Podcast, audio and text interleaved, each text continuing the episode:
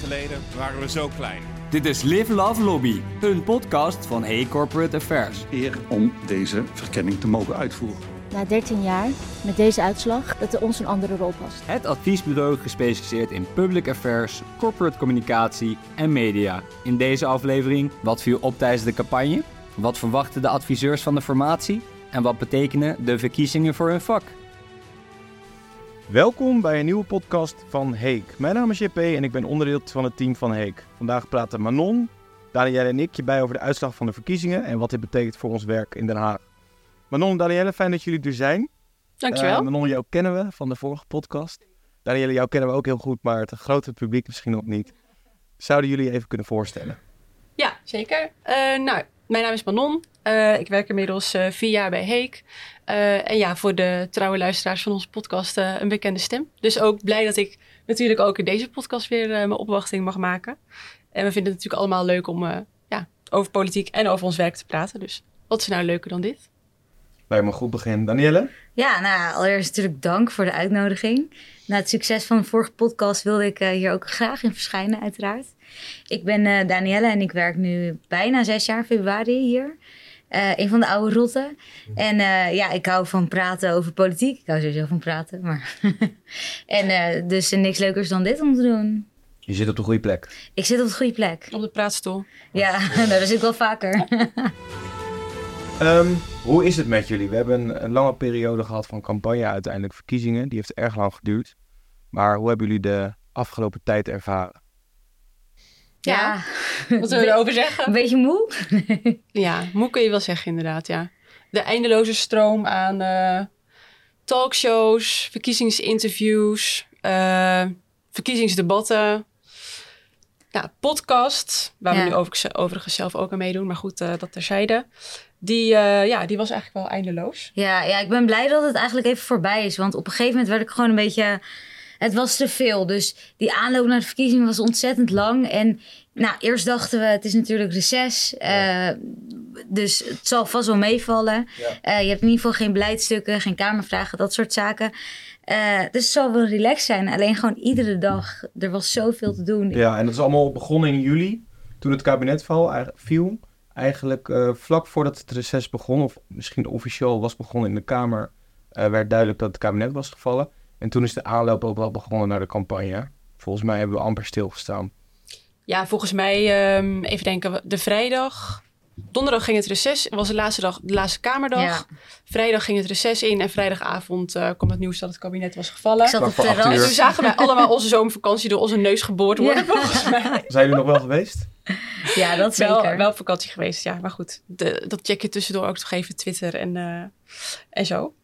Um, maar ja, en opvallend was natuurlijk ook dat eigenlijk meteen vanaf moment één gewoon die campagne losbarstte. Tenminste, dat vond ik zelf wel. Ja, uh, nou, opvallend. ik vond voornamelijk dat het was natuurlijk een beetje stil nog in de zomer. Iedereen was zich ook een beetje aan het beraden van wat moeten we in hemelsnaam gaan doen. Alleen BBB was eigenlijk al begonnen, veel te vroeg ingezet als je mij vraagt. Maar dit is geen campagneanalyse, dus dat zal ik een beetje laten.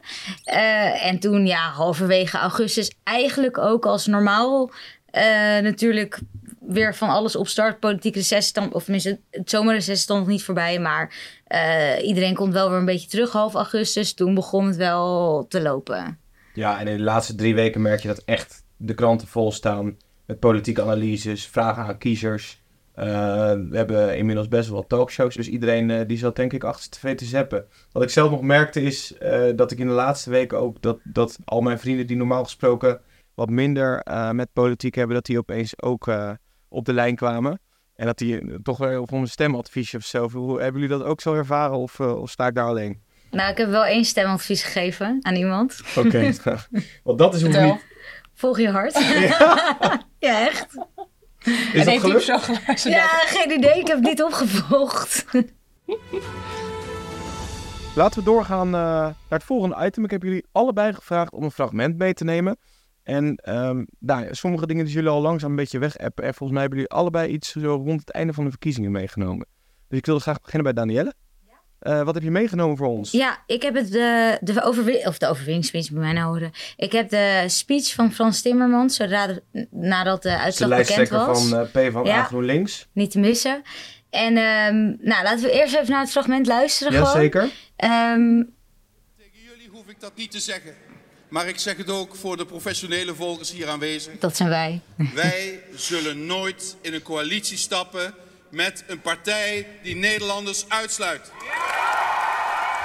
Dus wij zullen nooit in een coalitie stappen met Partij Nederlands Uitsluit. En dan komt hij dus met nog een punt.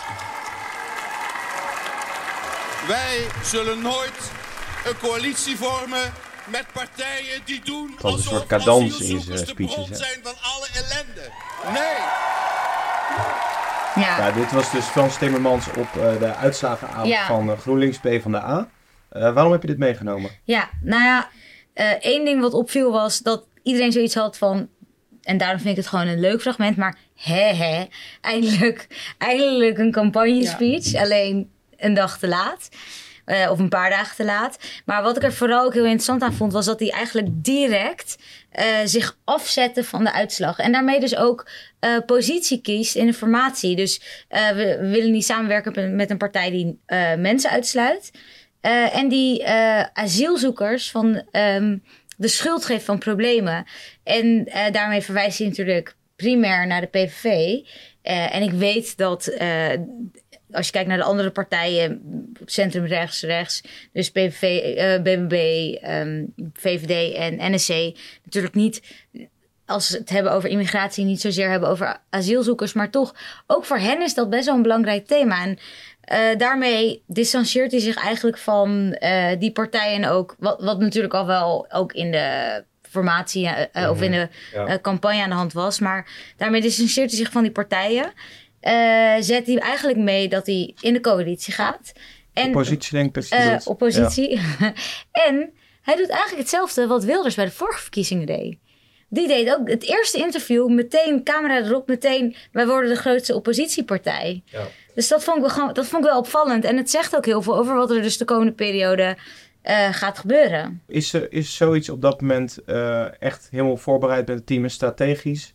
Eh, of denk je dat dit dit keer uit zijn hart kwam? Je zei het al, ehm, de analyse van sommigen is dat hadden we dit maar wat meer gezien tijdens de campagne. Ja, nou ja, ik vond het gewoon een mooi moment vanuit ja, politieke, vanuit politieke optiek. Maar ik vond het ook, het, het was meteen de toon voor de formatie.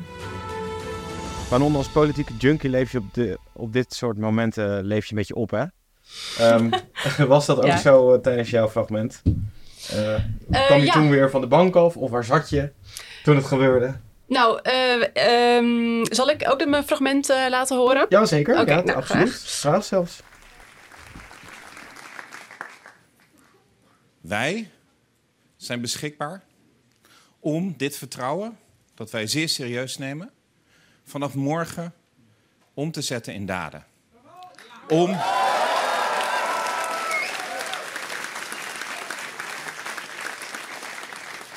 Wij gaan onze verantwoordelijkheid nemen. Want wij hebben de plannen. En die plannen die kunnen wij met z'n allen ook echt gaan uitvoeren. Dat is niet eenvoudig. Met dit verkiezingsresultaat hoeven we maar echt even te kijken om te weten. En dat zal van heel veel politici vragen dat ze over schaduwen heen stappen. We zullen zien hoe we dat morgen gaan doen. Maar Nederland zal en moet bestuurd worden. En daar zijn wij voor beschikbaar. Ja, twee eh, fragmenten van verkiezingsavond. Ja. Ook dit was weer een speech van de lijsttrekker. Ja. Ehm, waarom heb jij dit fragment meegenomen? Nou, ik heb dit fragment uitgezocht omdat... ehm, eh, in tegenstelling tot eigenlijk Timmermans... Hè, die zichzelf eigenlijk meteen distancieert van, eh, van, van Wilders... en dus ook meteen zegt van... oké, wij gaan niet die coalitie in. Ik zie hier voor mezelf plek in die oppositie. Vind ik dat bij Wilders echt... sorry, bij Omtzigt echt ehm, totaal onduidelijk. Wat, wat zegt hij hier nou eigenlijk? Eh, en dat vind ik interessant omdat de hele campagne, zeg maar, heeft eigenlijk vanaf het eerste moment eh, best wel gedraaid om de vraag: gaat Omtzigt wel of niet meedoen met de verkiezingen? Eh, en zo ja, wil hij dan premier worden? Dat was natuurlijk in de laatste weken van de, van de campagne echt een ontzettende hete hangijzer. En eigenlijk zet hij die trend nu voort. Eh, en zul je ook zien dat in de komende eh, weken, of misschien wel maanden van de formatie die, die er nu aankomen, eh, dat alle ogen weer op hem zijn gericht. Ja. Van wat gaat hij nou doen? Je Ja. voelt het hele spel weer opnieuw beginnen. Hè? Precies, en Ja. er is er nog helemaal niks eigenlijk ehm, meer duidelijk dan, dan op het moment voor de verkiezingen. Ja. Van voor 22 november. En ja, dat vind ik zo interessant, omdat ja, alle ogen zijn toch weer op hem gericht. Blijkbaar, blijkbaar werkt het wel goed. Ja, ontzettend. En hij heeft natuurlijk, eh, welke kant het ook opgaat, gaat hij gewoon een hele belangrijke rol spelen in die formatie. Ja, die, die lijkt eigenlijk nog maar één kant op te kunnen. Ja. Eh, zeker omdat Timmermans ehm, Ja. heeft gezegd dat hij, nou laten we het maar even liever niet meedoet, maar volgens mij wil hij helemaal niet meedoen. De VVD heeft al voordat de ver- verkennende gesprekken begonnen, heeft Jezus ehm, gezegd dat zij eh, niet in een kabinet zal stappen, maar vanuit de Kamer eventuele voorstellen van een rechtse of een centrumrechtse coalitie eh, zal steunen. En, Misschien en is het- misschien ja. dat, is natuurlijk het andere fragment, hè? maar daar Ja. kunnen we niet Ja. omheen. Dat is nu alles bepalend. Ja. Eh, we, weten niet, hoe- we weten natuurlijk nu ook niet hoe zich dat gaat eh, uitwerken, maar dat is, dat is eigenlijk alles bepalend. Maar daar gaan we het waarschijnlijk Ja. nog uitgebreid over hebben. Nou, dat, dat is natuurlijk een ander fragment en daarnaast kun je nog een aantal fragmenten noemen. Het is misschien wel goed om eventjes te duiden in welke tijd we op dit moment leven. Ehm, eerst eh, werd verkenner Gon van Strien eh, aangesteld op voordracht van de PVV. En eh, bijna alle beoogde fractievoorzitters waren het daarbij eens. Alleen Stefan van Baarle van Denk niet. Ehm, vandaag is bekend geworden, dus op de dag dat wij opnemen is bekend geworden dat Ronald Plasterk, eh oud P van de A-minister, ehm, maar ook zeker wetenschapper en columnist bij de Telegraaf, dat hij... Ook zeker columnist bij de Telegraaf. Ja, ja absoluut. Eh, dat hij eh, nu eh, de verkenning gaat doen. Ehm, hij zal volgende week bij de Kamer terugkomen met een verkennend verslag. Kunnen jullie even vertellen hoe een formatie er eigenlijk uitziet? Nou ja, je zei het net al eigenlijk. Hè? Dus eerst wordt de verkenner aangewezen. Nou, dat, dat, dat heeft nu iets langer geduurd dan misschien in- initieel gepland. Maar volgens mij is nog steeds het idee dat volgende week... ehm verdenken, op 5 december eh, neemt de huidige Tweede Kamer Gaat afscheid. Sinterklaas het land uit? Oh, nee, dat is er nog. Hij neemt alle, alle Tweede Kamerleden met zich mee. Eh 6 december wordt een nieuwe Tweede Kamer geïnstalleerd. Eh, en dan zou eigenlijk op 7 december het debat plaatsvinden over de verkiezingsuitslag. Ehm, volgens mij ehm, is dat nu niet 100% zeker of dat wel of niet het geval zal zijn. Misschien ook een week later. Ja. Eh, maar volgens mij uiterlijk 13 december zal er dus een debat plaatsvinden. En biedt dus ook de verkenners een rapport aan. Ja, aan misschien nog in Kamervoorzitter. aanvulling daarop. Dus ondertussen gaat de verkenner alle fracties af om met hen te bespreken over eh, nou, hoe ze in de wedstrijd staan. Als ze dat niet al eh, in de media hebben verkondigd. En alsnog gaan ze dan natuurlijk met ze in gesprek. Ja, over die onduidelijkheid. Ik volg dus op Twitter en, en eigenlijk ook al via de website, dus Bureau Woordvoering Formatie. Ja, En als ze dan heel kort nieuws hebben, dan houden ze het ook heel kort. Het is niet een leuk inleidend stukje of zo, maar dan zeggen ze, de verkenner stopt. Is wel er, speelt te veel, er speelt te veel rondom zijn persoonlijke punt. nou ja, maar het is, ook het is ook ideaal. Hè? Dus je hebt voor de formatie je hebt gewoon een website, formatie2023.nl. Ja. Kan je gewoon aanmelden. Elke keer als er iets is, krijg je direct een mailtje. Stop. Ja, Ja, het is echt op. en voor de, politiek, Stip voor de ons. politieke junkies eh, onder ons, daar staan dus een hele hoop documenten in van de formaties van volgens mij de jaren 90 tot aan 2000, eh, nou nu 23. Met daar ook eh, de heftige formatie van 2021 in. Ja. Dus dat houdt je weer even mooi eh, bij de les. Ehm, vervolgens, eh, na het debat, wordt dus de informateur aangesteld door de Kamer. Wat gaat die doen? Eh, dus die gaat kijken wat, eh, ja, wat de mogelijke coalities zijn en hoe de verschillende fractievoorzitters daarin staan. En dan begint eigenlijk de onderhandeling. Ja. Dan beginnen de onderhandelingen. Dus dan gaan eh, ze gesprekken voeren over nou, wat willen we in ieder geval behouden, wat willen we eventueel loslaten, wat zijn voor ons echte hete hangijzers, wat, wat zouden we eventueel wel compromissen op willen doen. En vooral, eh, wie gaat het, wat, wat gaat het kosten? Ook heel belangrijk, ja, Ja. want dat is natuurlijk nu ook een interessant eh, punt, omdat ze eigenlijk nou ja, drie belangrijke partijen nu in de formatie. Ja. nou, het Ehm, schijnt dat, dat ja. zij de formatie gaan doen. Ja, nou ja, zij zullen ongetwijfeld De- het een, eerste. een belangrijke rol gaan spelen in de initiële fase. Komen we zo ook nog even op hoe Ja. er nou gerekend wordt. Hè? En, en uiteindelijk draait een, een coalitieakkoord of een regeerprogramma of een regeerakkoord. Hoe je het ook wil noemen en wat precies eh, nou, technisch gezien wat is. Het draait erom hoe iets betaald wordt. Ja. En is dat allemaal in steen gebeiteld? Ja, dus die drie partijen eh, ervoor hebben gekozen om niet hun verkiezingsprogramma te laten doorrekenen. Dus eigenlijk ja, is het nog best wel onduidelijk van wat gaat dat nou eigenlijk precies kosten. Ehm, en ja, hoe gaan we het financieren? Het maakt de onder- onderhandeling ook complexer. Ja. Hè? Want ik bedoel, je moet je voorstellen dat in een koehandel, als je jij wil X en die wil Y, en je weet dat dat dat kost en dat kost dat. En nou ja, dat gaat ten koste van iets van je andere plannen. Maar op het moment dat je dat niet duidelijk hebt, Ja. hoe, hoe ga je dan die, die afwegingen maken? Nou, dat gaat natuurlijk worden voorgelegd aan het ministerie. Het ministerie van Financiën moet dan gaan zeggen, nou, we verwachten dat dat kost. En dus da- daar komen ze uiteindelijk wel uit. Maar het maakt het wel eh, minder inzichtelijk Mm. initieel. Ja. Ehm, maar nu Ja. moeten ze gaan bezuinigen. Ja. Eh, terwijl ze dat natuurlijk niet willen. Want ze hebben Nee. allemaal plannen, allemaal beloften. Dat kost geld. Ja, Eh, dat maakt zeg maar al los van die complexiteit van nu... en van het feit dat je die doorrekeningen niet hebt... eh, is het al een moeilijker gesprek het moment dat er, bezuin dat er moet worden bezuinigd. Wat vandaag belangrijk is, wat betekent dit voor onze werkzaamheden? Wij werken hier bij Heek. Het is een corporate affairs eh, een kantoor, dus we geven eigenlijk politiek en eh, communicatieadvies aan bedrijven of NGO's of andere soortige organisaties. Ehm, en die wil- willen eigenlijk deze dagen maar één ding weten. Wat betekent deze uitslag van de verkiezingen voor mij? Nou, hebben jullie het antwoord? nou ja, volgens mij beginnen we altijd met... eh, we hebben geen glazen bol, maar... Ja. Nee, dat is natuurlijk een beetje flauw om te zeggen. Maar wat, kijk, wat in ieder geval de komende periode belangrijk wordt, is als je kijkt naar de Kamer, heel veel nieuwe Kamerleden. Eh ministerie in Nederland is het zo dat in principe eh, ambtenaren, in tegenstelling tot bijvoorbeeld de VS, waarbij bij een, een nieuwe president een hele nieuwe administration eh, komt. Ambtenaren blijven gewoon zitten, maar heel veel nieuwe Kamerleden. Het begint gewoon met eens even kijken, wie, wie zijn die mensen? We hadden toevallig eh, een, twee jaar geleden of een jaar geleden hadden eh, ons stagesteam die hadden een pubquiz gemaakt met de hoofden van, dat- in dat geval, in, toen waren het bewindspersonen. En dan steeds gecompileerd met onderkant, zeg maar, dus de mond, de neus en het voorhoofd. En dan moesten wij raden eh, wie wat was. En dan gewoon aan het kruin wisten we, was het gewoon een strijd wie het snelste was. Want iedereen herkende direct wie dat bewindspersoon was. Hetzelfde geldt voor Kamerleden. Ehm, heel vaak met debatten luister ik ook. En dan, ik kijk niet altijd. Eh, maar je herkent de stemmen. Mm. Moeten al die nieuwe stemmen ook leren, zeg maar, gewoon weer gaan herkennen. Dus Ja. ik, Het zijn er 66, hè? Ja. La- Las ik. nou ja, dat zijn eh, best veel nieuwe stemmen. Best wel veel. Ja, dus het begint gewoon met kijken wie, wie zijn die nieuwe mensen. Eh, vervolgens welke portefeuilles krijgen ze. Dus Ja. op, welke onderwerpen gaan ze zich bezighouden. Met welke onderwerpen gaan ze zich bezighouden.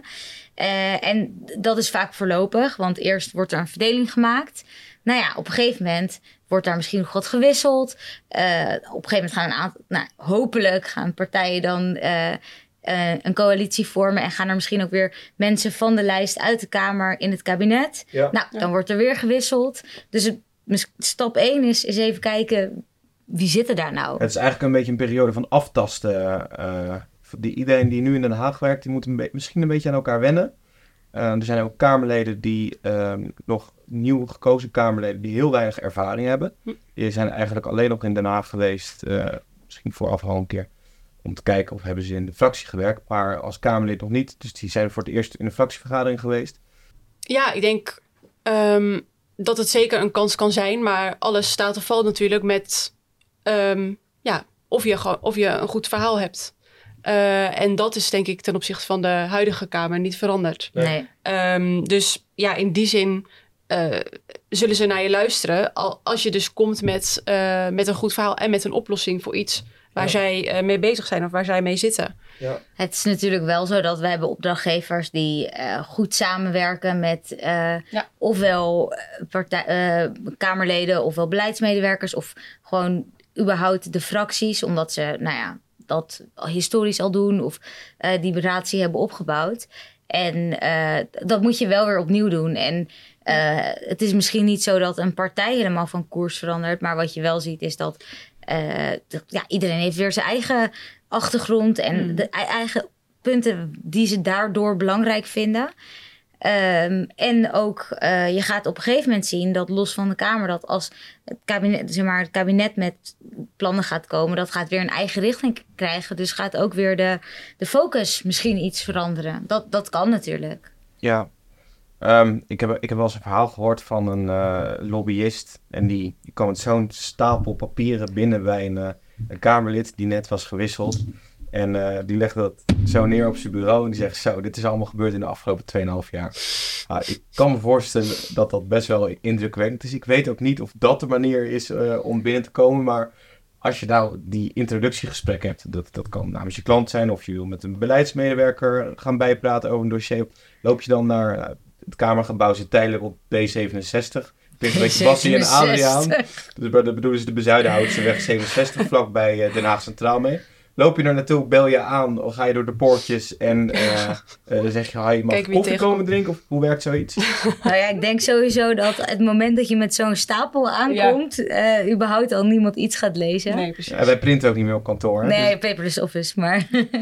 ja, alles digitaal. Nee, ja, dat verschilt natuurlijk.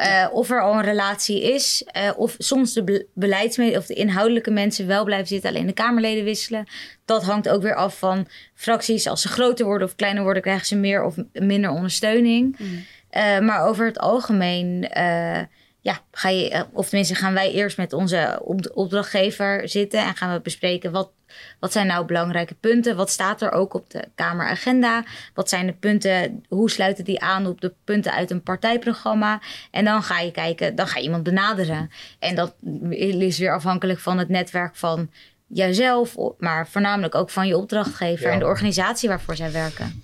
Ja, en ik moet wel zeggen dat ook tijdens de um, campagne, verschillende verkiezingsdebatten bijvoorbeeld, waar ik uh, dan zelf uh, heen was gegaan, um, dat ook de Kamerleden die daar dan aanwezig waren ook wel eigenlijk vaak afsloten met een oproep aan het bedrijfsleven, of in ieder geval mensen uh, uit de praktijk, uh, om eigenlijk hun van input te voorzien. Ja. Omdat zij natuurlijk ook willen dat zij beleid maken. Of, nou ja, dat uitvoerbaar ja, is. Precies, Nou ja. die, die, en die aansluit bij ook de realiteit. Ja.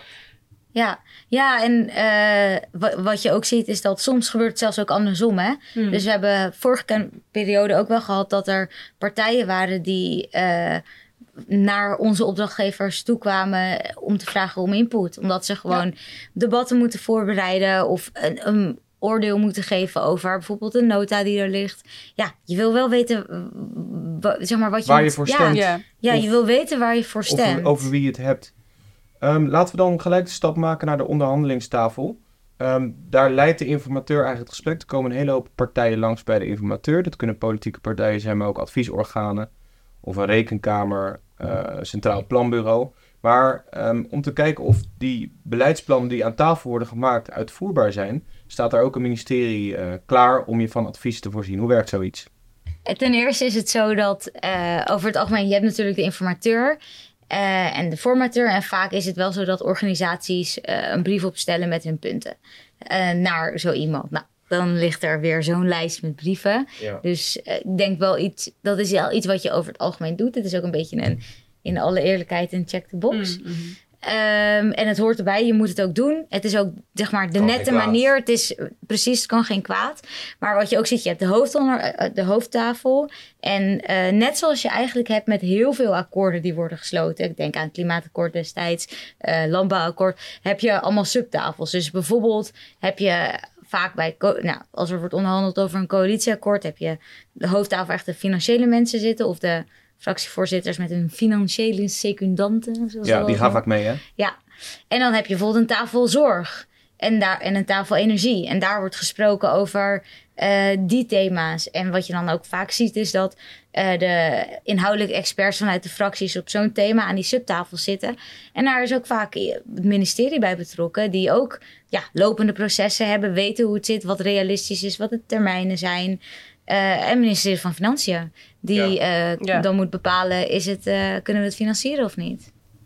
Als je op um, die website kijkt van uh, woordvoering uh, formatie, of ja, dat zeg ik goed, uh, dan zie je dus ook dat er vraag- en antwoordbrieven vanaf de informateur naar um, de ministeries ja. gaan. Ja. En die moeten dan snel beantwoord worden. En daar rekenen ze op het ministerie uit wat een maatregel betekent ja. en hoe de uitvoerbaarheid zit. Nou, als, hoe is, is er als bedrijf ook zoiets mogelijk? is er tijdens de onderhandelingen contact met bedrijven of hoe zou jij je opdrachtgever adviseren om je belang aan de onderhandelingstafel te krijgen? Ja, ik denk dat um, ook daarin zijn natuurlijk een aantal elementen. Kijk, uiteindelijk word je daar als bedrijf voor benaderd. Je moet wel een heel, heel groot zijn. Ja. Ik bedoel, wie zit daar? Het zijn de, vertegenwoor- de branchevertegenwoordigers. Dus VNO zit daar. En ik had het net over zorg. Ik kan me voorstellen dat bijvoorbeeld de Federatie Medisch Specialisten een van de partijen is die wordt gevraagd voor input. Maar, heel, zeg maar het zijn echt de overkoepelende partijen. Wat je natuurlijk wel kan doen is. eh, en dat had je eigenlijk, moet je niet nu doen. Dat, dat had je al de hele tijd moeten doen. Dat is natuurlijk ook eh, ons werk. Maar, eh, als, zeg maar het, het voordeel van zeg maar, altijd gewoon je eh, corporate affairs op orde, noem ik het maar even, is dat je sowieso al in contact bent met de relevante beleidsambtenaren. Ja. om hen te voorzien van informatie als zij vragen voor jou hebben. En eh, ehm, nou ja, eigenlijk dat. Corporate affairs op orde, dat vind ik een mooie. Manon, we hadden het net over de verkiezingen volgen. We Ja. krijgen eigenlijk blok 2 nu. De formatie volgen. Hoe doen we dat? Hoe doe jij dat? Hier op je werk. Nou ja, natuurlijk eh, staat gewoon teletext hier de, hele- de hele dag. Dat zijn, dat zijn oude zielen. Ja, we lachen erom, maar het is wel waar. Ja, Ik vind dat heel handig. Pagina 101 van Teletext. Live nieuws. Nou, dat is toch top. Ja. Ja. Je bent wel meteen op de hoogte. ja. Ehm, Geen pushmeldingen meer nodig. Nee, precies. Ja. En wat dat betreft houdt natuurlijk gewoon de... We, we zeiden net wel even gekscherend van... Ja, we zijn moe van alle talkshows, podcasts, et cetera. Maar het houdt natuurlijk nu gewoon helemaal niet op eigenlijk. Eh, sterker nog, het gaat alleen maar door. Het is Ehm, één grote soap. Eigenlijk. Precies. Daarom vinden En we het zo leuk. dat, Maar... dat is ook wat natuurlijk eh, politiek gezien... Als, als politieke junkie natuurlijk eh, heel leuk maakt. Als burger misschien Zo'n iets minder. zo'n formatie heeft ook wel een hoog RTL Boulevard gehad als er niks gebeurt. Ja. Welke appel Ja. eet iemand? Of eh, wie loopt met wie naar welke lunchtent? eh, wat Wie voor... heeft welke kussentjes besteld? Ja, oh, dat was, dat was we waren voorbij op AliExpress hadden er eh, kussentjes besteld. Alexus? Ja, of Coolblue, ik weet niet waar je kussens bestelt. Ik bestel nooit kussens. Nee. Ehm, nee, ja, dus dat eigenlijk. En het grote verschil, misschien nog eh, aanvulling daarop, is eh, dat natuurlijk, het is niet reces meer. Dus in de Kamer gaat het Nee. wel gewoon Ja. door. En Ja. waar ik heel benieuwd naar ben, wat ik wel interessant zou vinden, dat was een experiment wat afgelopen periode in de gemeente Amsterdam is gebeurd.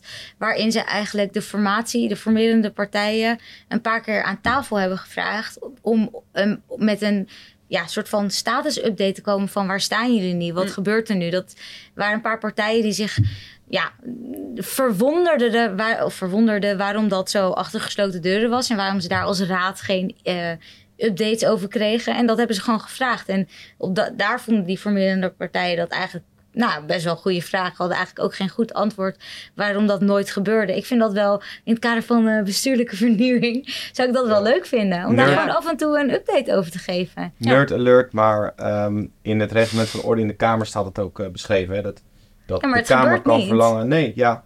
Nee, Ehm, en, we- heb jij daar een antwoord op waarom dat zo is? Een van jullie? Nou ja, je, je hoort natuurlijk altijd, of wat ze zeggen is, soms moet je gewoon iets achter gesloten Ja. deuren doen. Eh, dat werkt nou gewoon eenmaal beter, dan kan je goed praten. En dan als je eenmaal wat hebt, dan kan je mee naar buiten. Ja. Maar dat betekent niet dat soms dat... De, je hoeft toch over inhoudelijke discussiepunten geen...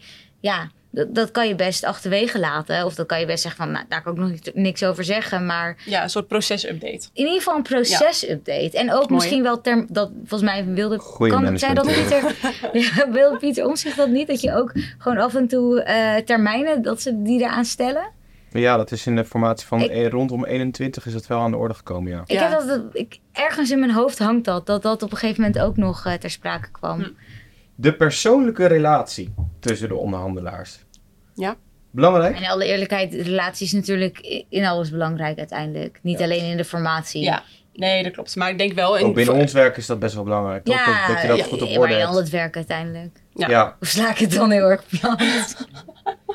coalitieakkoord viel al even. Nou, misschien, sorry, ik, met- dat ik daar nog één ding over kan zeggen. Wat je ook altijd hoort en wat wij ook hier horen van mensen die hier ervaring mee hebben, is op een gegeven moment moet je elkaar iets kunnen gunnen. Hmm. En dat geldt eh, in, in zo'n proces, maar dat geldt natuurlijk in, ook in zeg maar, gesprekken die onze opdrachtgevers voeren met eh, mensen waar, waarover ze, zeg maar, wanneer zij punten willen overbrengen. Ja, eh, de- daar is nog wel wat onvrede over binnen de Partij van de Arbeid. In 2012 was Wouter Bos de informateur. En Wouter Bos was net als ons consultant geweest. En die had 40 kaartjes gemaakt. En daarop kon je steeds een kaartje trekken Ja. uit de pot. En dan moest je ehm, als onderhandelaar, mocht je voor 80% van het kaartje, bijvoorbeeld zorg, mocht je Mm. op gaan schrijven hoe het beleid eruit zou Ja. komen te zien. Die 20% die gunde je aan de tegenpartij. En zo kwamen 80-20. Diederik Samsom en eh, Mark Rutte er eigenlijk vrij makkelijk uit. Daar waren ze zelf heel erg trots op. En Ja. daar zijn ze nu nog steeds trots op. Ik heb even in de papieren zitten spitten. Ehm, maar er gaan wel verhalen dat de Partij van de Arbeid intern vindt dat, eh dat partij ehm, idealen te grabbel zijn gegooid. Eh, ik weet niet of die tactiek nu wordt toegepast. Ik weet niet überhaupt hoe we over Nou ja, er is nog niemand twee of drie het, weken eh, aan het onderhandelen zijn.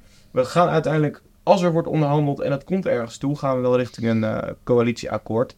Ik, wat houdt zoiets in? Wat is een co- coalitieakkoord eigenlijk? Even voor de mensen die, eh, die daar niet dagelijks mee bezig zijn. Nou ja, het is heel erg afhankelijk wat natuurlijk ook wat uiteindelijk het, het eindproduct is. Ehm, maar in, in de brede zin van het woord is het eigenlijk een soort van eh, uitvoeringsagenda eigenlijk voor de mm, eh, komende kabinetsperiode. En wat belangrijk is, die wordt ondertekend door de fractievoorzitters. Dat wordt Ja, soms dat wel eens vergeten. Dat wist ik eigenlijk niet, maar dat is. eh Dat Ja, schijnt zo te zijn, ja. Ja, een akkoord en uiteindelijk wordt het een regeerakkoord als dan de bewindspersonen daarmee akkoord gaan. En Ja. die moeten dat uitvoeren. Ja. Eh, we hebben ook... wel gehoord over een minderheidskabinet. Daar wil ik toch even, even naartoe naar dat minderheidskabinet of een kabinet van experts. Extra parlementair kabinet. Eh, dan duizelt het eh, mij ook af en toe wel een beetje. En we hebben ook nog een zakenkabinet. Ja. Dat is natuurlijk ook een woord die nu af en toe eh, valt. Ja. En een oorlogskabinet hebben we gelukkig niet. dat houden we graag zo. Ja, laten we dat maar, laten we dat maar hopen. Ehm, wel- welke smaken hebben we? Ik heb dus voor deze podcast ook nog even Ja? opgezocht, want we gingen natuurlijk vrijdag voorspreken. En toen Ja. kwam dus zakenkabinet ook even ter sprake. Ja. En ik wist eigenlijk dus niet precies wat dat inhoudt. dus ik ging het even opzoeken. En dat blijkt dus ook een beetje vaag te zijn. Ja, Eh, er Maar blijkt niemand niet weet ook wat het in te wel de of niet lid praktijk- van een partij. Wel of eh, niet lid van een partij. Aan, maar en ook bijvoorbeeld een vakminister. Oké, je bent Ja. een inhoudelijk expert. Maar we hebben nu ook gezien bijvoorbeeld eh, minister Kuipers, Ja. minister Dijkgraaf. Ja, die moesten vlak voor de, voordat ze werden geïnstalleerd nog lid worden van een Ja. politieke Ja, partij. Maar wel experts. Ja. Ja, ja, ja. Maar wel duidelijk een politieke lijn Ze zijn, in, in dit ze kabinet. zijn via een politieke partij in dat kabinet gezet. Terwijl we hadden natuurlijk ook, maar dat was crisis. eh, tijdens de eh, coronaperiode ehm, van de PvdA, hoe heet die ook alweer? Martin van Rijn, Martin denk ik, van Rijn. die volgt Bruno Bruins Ja, ook van de VVD. dat Die was is natuurlijk vrouw in de ja. Kamer. Dat was natuurlijk tijdelijk. ja. Maar dat was, wel, dat was dan heel bijzonder. Ja. Ja. Die heeft eh, veel lof ontvangen Ja, trouwens van eh, ja. Kamer, Kamerbreed. Ja. Ja, ja. Ehm, Maar dat was Maar, een eh, crisissituatie. Maar wat ik dus eigenlijk wel interessant vind, is dat het woord zakenkabinet dus eigenlijk al best wel een aantal keer gevallen is in de campagne. Ja. Maar dat dus niemand eigenlijk heel erg dan blijkbaar een, een, een beeld heeft van wat het dan precies Maar het- inhoudt. hetzelfde geldt voor een minderheidskabinet, toch? Daar zijn volgens Ja. mij ook heel veel verschillende vormen voor. Het enige waar ja. dat voor staat is dat je niet eh, een meerderheid hebt in de, in de Tweede Kamer. ja, maar we hebben ook geen term voor een, bijvoorbeeld een kabinet die wel in de Tweede Kamer, maar niet in de Eerste Kamer eh, een meerderheid heeft. klopt. Ja. Sommige van de zakenkabinet wordt volgens mij gezegd dat het echt op gericht is om goed beleid te maken waar een minister inhoudelijk... Ik mag andere dat ieder niet. kabinet daarop gericht is. Ja, dat is ook wel zo. nog meer dan, nog beter dan anders. Echt een topkabinet wordt het wel. Ehm, Echt klasse. eh, en van een minderheidskabinet wordt gezegd, hey, dat is om eh, het dualisme tussen eh, de uitvoerende macht Ja. en de controlerende macht te versterken. Dus dat betekent dat een Kamer, dat je continu op zoek moet naar meerderheden in de Kamer om je beleid door de eh, Tweede Kamer en uiteindelijk ook door de Eerste Kamer te krijgen. Ja. Ik zou het vak, zeg maar, vanuit, ons, ja, vanuit onze professie heel interessant vinden. En ook gewoon ook wel benieuwd ben. Maar Mm. het, het duizelt je wel echt. Mhm. In Ja. alle eerlijkheid. Mhm. Dank voor het luisteren en eh, dank voor het kijken voor degene die we worden ook opgenomen. Dus eh, Oh jee. Eh, dus je kunt deze podcast niet alleen eh, luisteren, maar ook eh, bekijken. Wil je nou meer weten over Politiek Den Haag of ons werk? Kijk dan op de website heek.company. Daar vind je interessante blogs, onder andere van eh Danielle en Manon en van mezelf. En meer uitleg over ons werk. Maar we zijn ook eh, live beschikbaar. Eh, hier op ons kantoor in Den Haag, misschien wel in Amsterdam. En als je koffie wilt drinken met ons of met een van onze collega's, stuur dan een mailtje naar het mailadres in de show notes. Daar plaatsen we, plaatsen we ook interessante links. En daar komen nog een hoop zaken voorbij die we in de podcast hebben benoemd. Manon, bedankt. Danielle, jij ook bedankt. Ja, Ging het het was goed? leuk. Ja, leuk om te doen. En eh, wanneer horen we weer van jullie? Nou ja, eh, Snel? Wanneer is een mooi moment om weer een nieuwe podcast op te nemen? Ja, het kan heel snel zijn, maar het kan misschien ook als er wat meer nou, ik duidelijkheid zou is. zeggen na het reces. Na het reces. Kerstreces. Ook wel Ja, ja, er zijn zoveel recessen. Ja. In, Nee, er, moet wel, er moet wel iets zijn gebeurd in de Ja, ja, ja. tussentijd. Ja, we moeten wel aan de gang zijn. Het Ja. zou eh, niet voor januari zijn. Het zou mooi zijn als we iets kunnen zeggen als er een verkenning, eh, een eh, formatie gaande is. Het lijkt me een mooi En, streven. en, de, en de Kamer al wat, eh, wat heeft eh, gepresteerd. wat heeft de gedaan. nieuwe kamer, ja. Dat de nieuwe Kamer al in actie is geweest. En die wensen we natuurlijk, al die 150 Kamerleden, die wensen we natuurlijk ook heel veel succes. Heel veel succes. Heel veel succes. Allemaal veel succes. Bedankt voor het luisteren.